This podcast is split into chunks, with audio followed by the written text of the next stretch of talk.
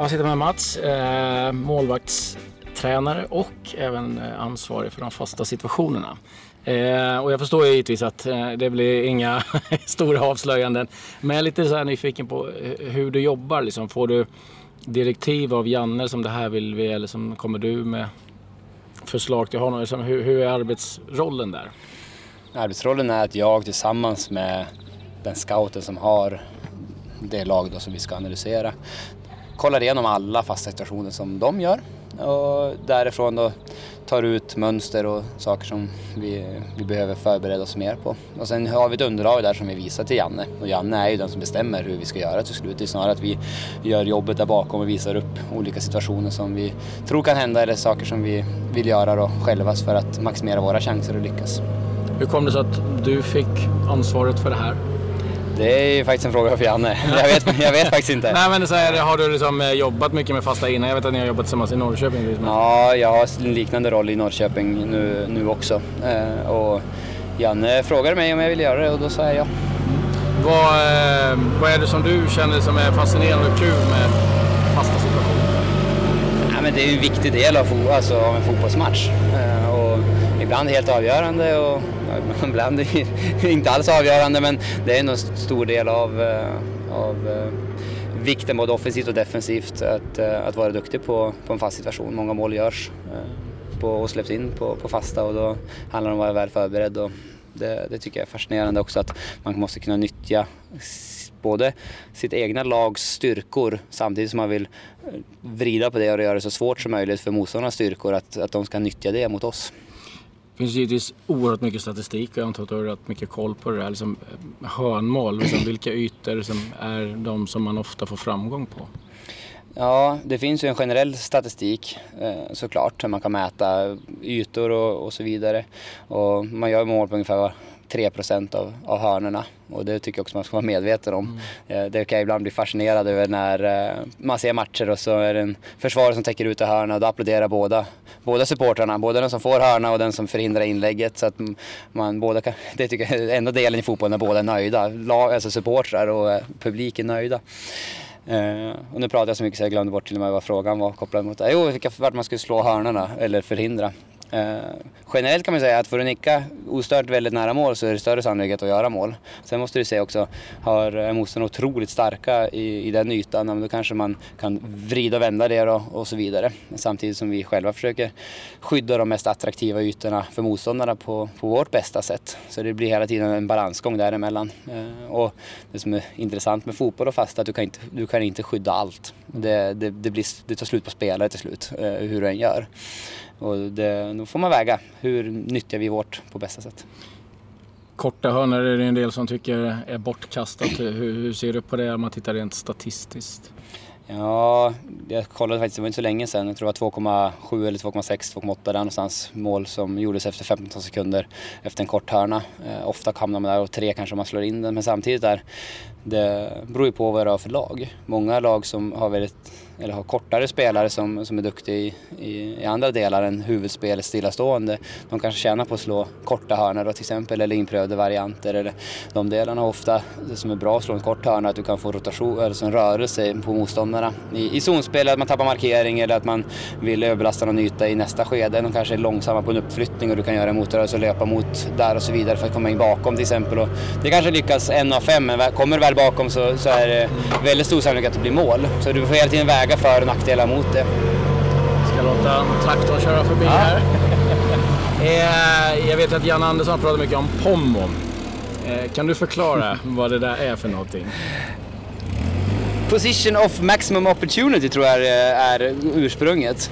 Eh, det han menar om pommo det är ofta den, den bortre ytan precis vid, vid bakre stolpen, att de fyller ut den och kanske på en hörna om vi pratar om det, någon kommer upp och nickar på första, att man har en som kan stöta in den vid, vid bakrytan för att många bollar kommer där eh, när my, uttrycket myntades. Eh, men ofta så, så handlar det också ett Jan-uttryck att spela färdigt. Det är ofta inte första situationen det blir mål utan det kan bli en andra boll, tredje boll och så vidare. Det kan bli eh, struligt i straffområdet, man, kan inte få, man får inte bort bollen och så vidare och det kanske inte är direkt det blir mål utan i, i nästa skede och därför det hänger ihop också med Pommo att det kanske inte är första nicken som blir mål eller första touchen som blir mål utan det är två, tre eller fyra.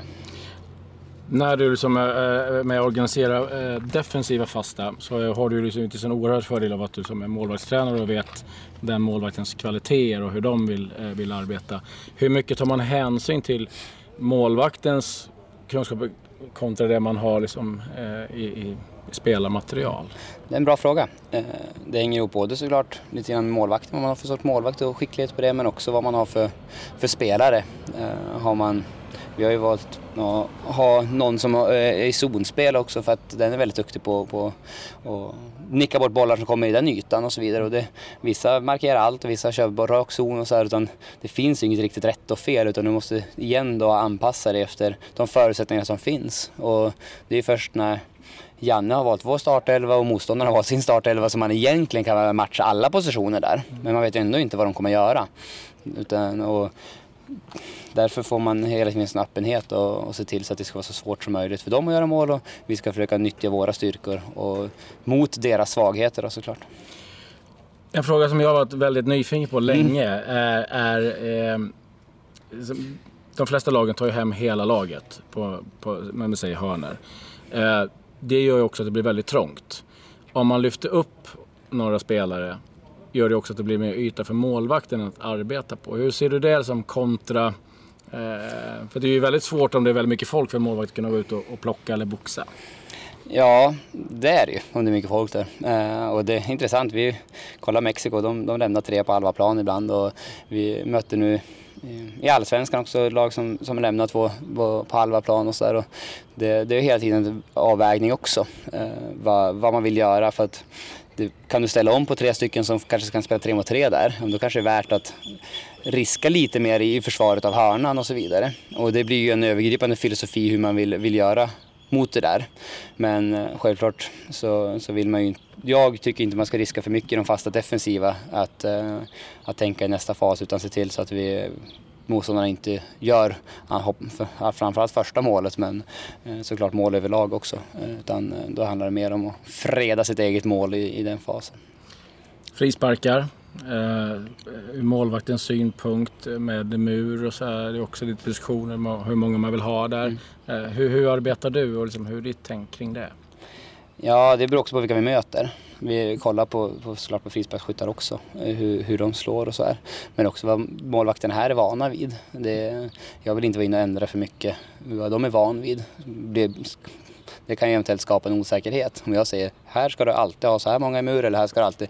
Utan det, det, det är upp till dem själva att känna det också. Sen går vi som sagt igenom vad vi kan förvänta oss från olika lägen och därifrån att skapa om det står mellan om vi ska ha tre eller fyra till exempel, då kanske man kan ta ett mer effektivt beslut. Eller hur, är det någon som kan skruva jättemycket kanske man ska skjuta muren ännu lite mer så man inte kan slå runt den och så vidare. Så att det, där får man såklart vara öppen och kolla vad, vad vi möter och vara effektiv mot det.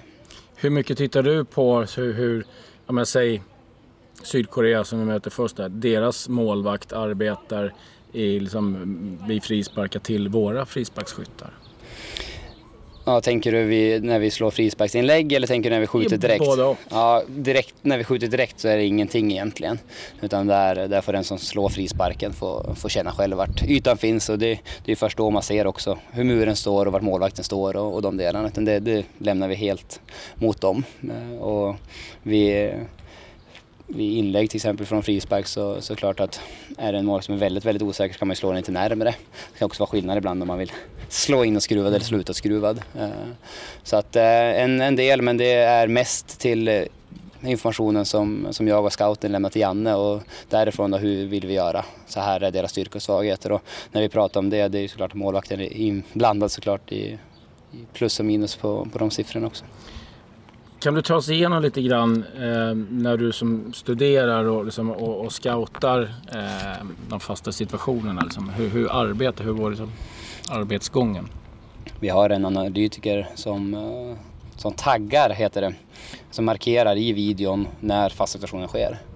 Och det betyder att jag, då har jag ett, ett dokument som jag trycker upp och så får jag ett videoklipp på, på alla deras fasta situationer de har slagit någonsin. Och så sen letar jag igenom mönster. Så först ser jag alla och rakt av. Eh, och så sen därefter så börjar jag kolla vad finns det för mönster, vad finns det för utstickande, vad finns det för varianter och så vidare. Och hittar det mest relevanta därifrån då.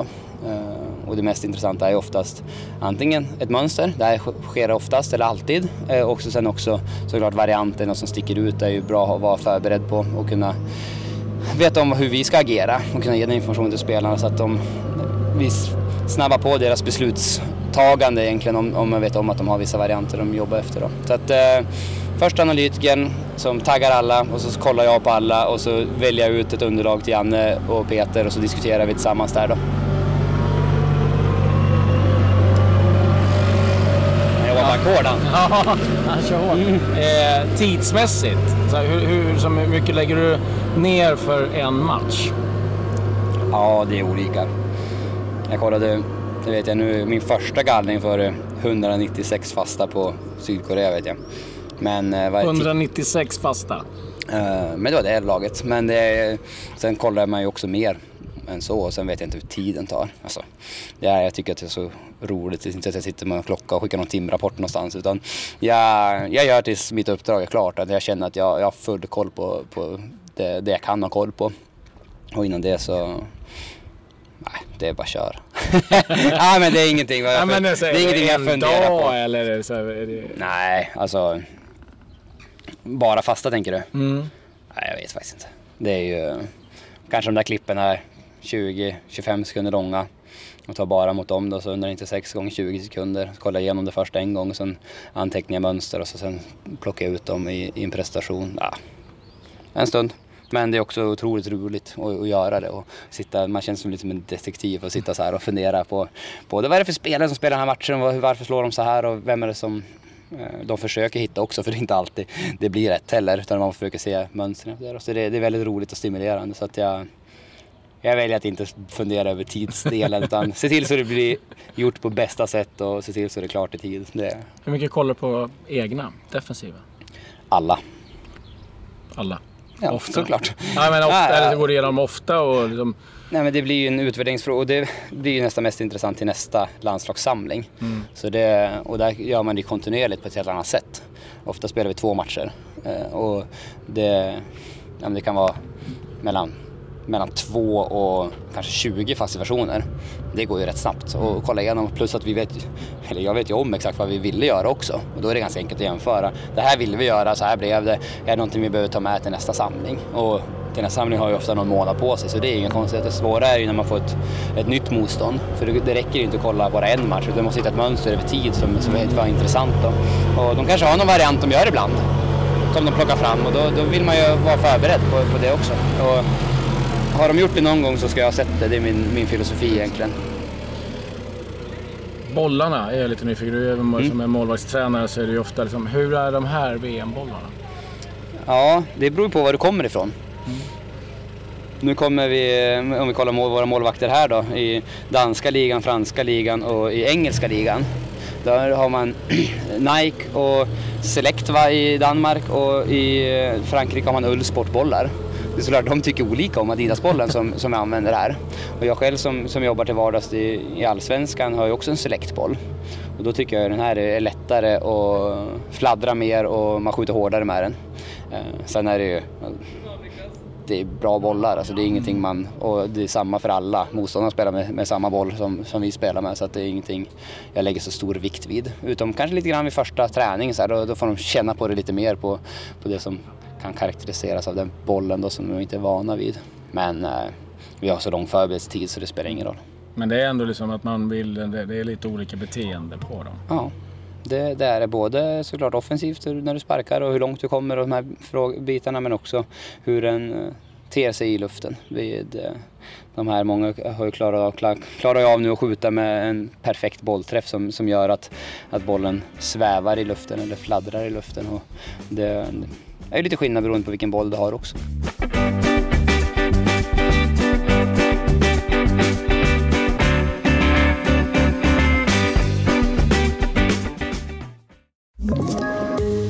poddtips från Podplay.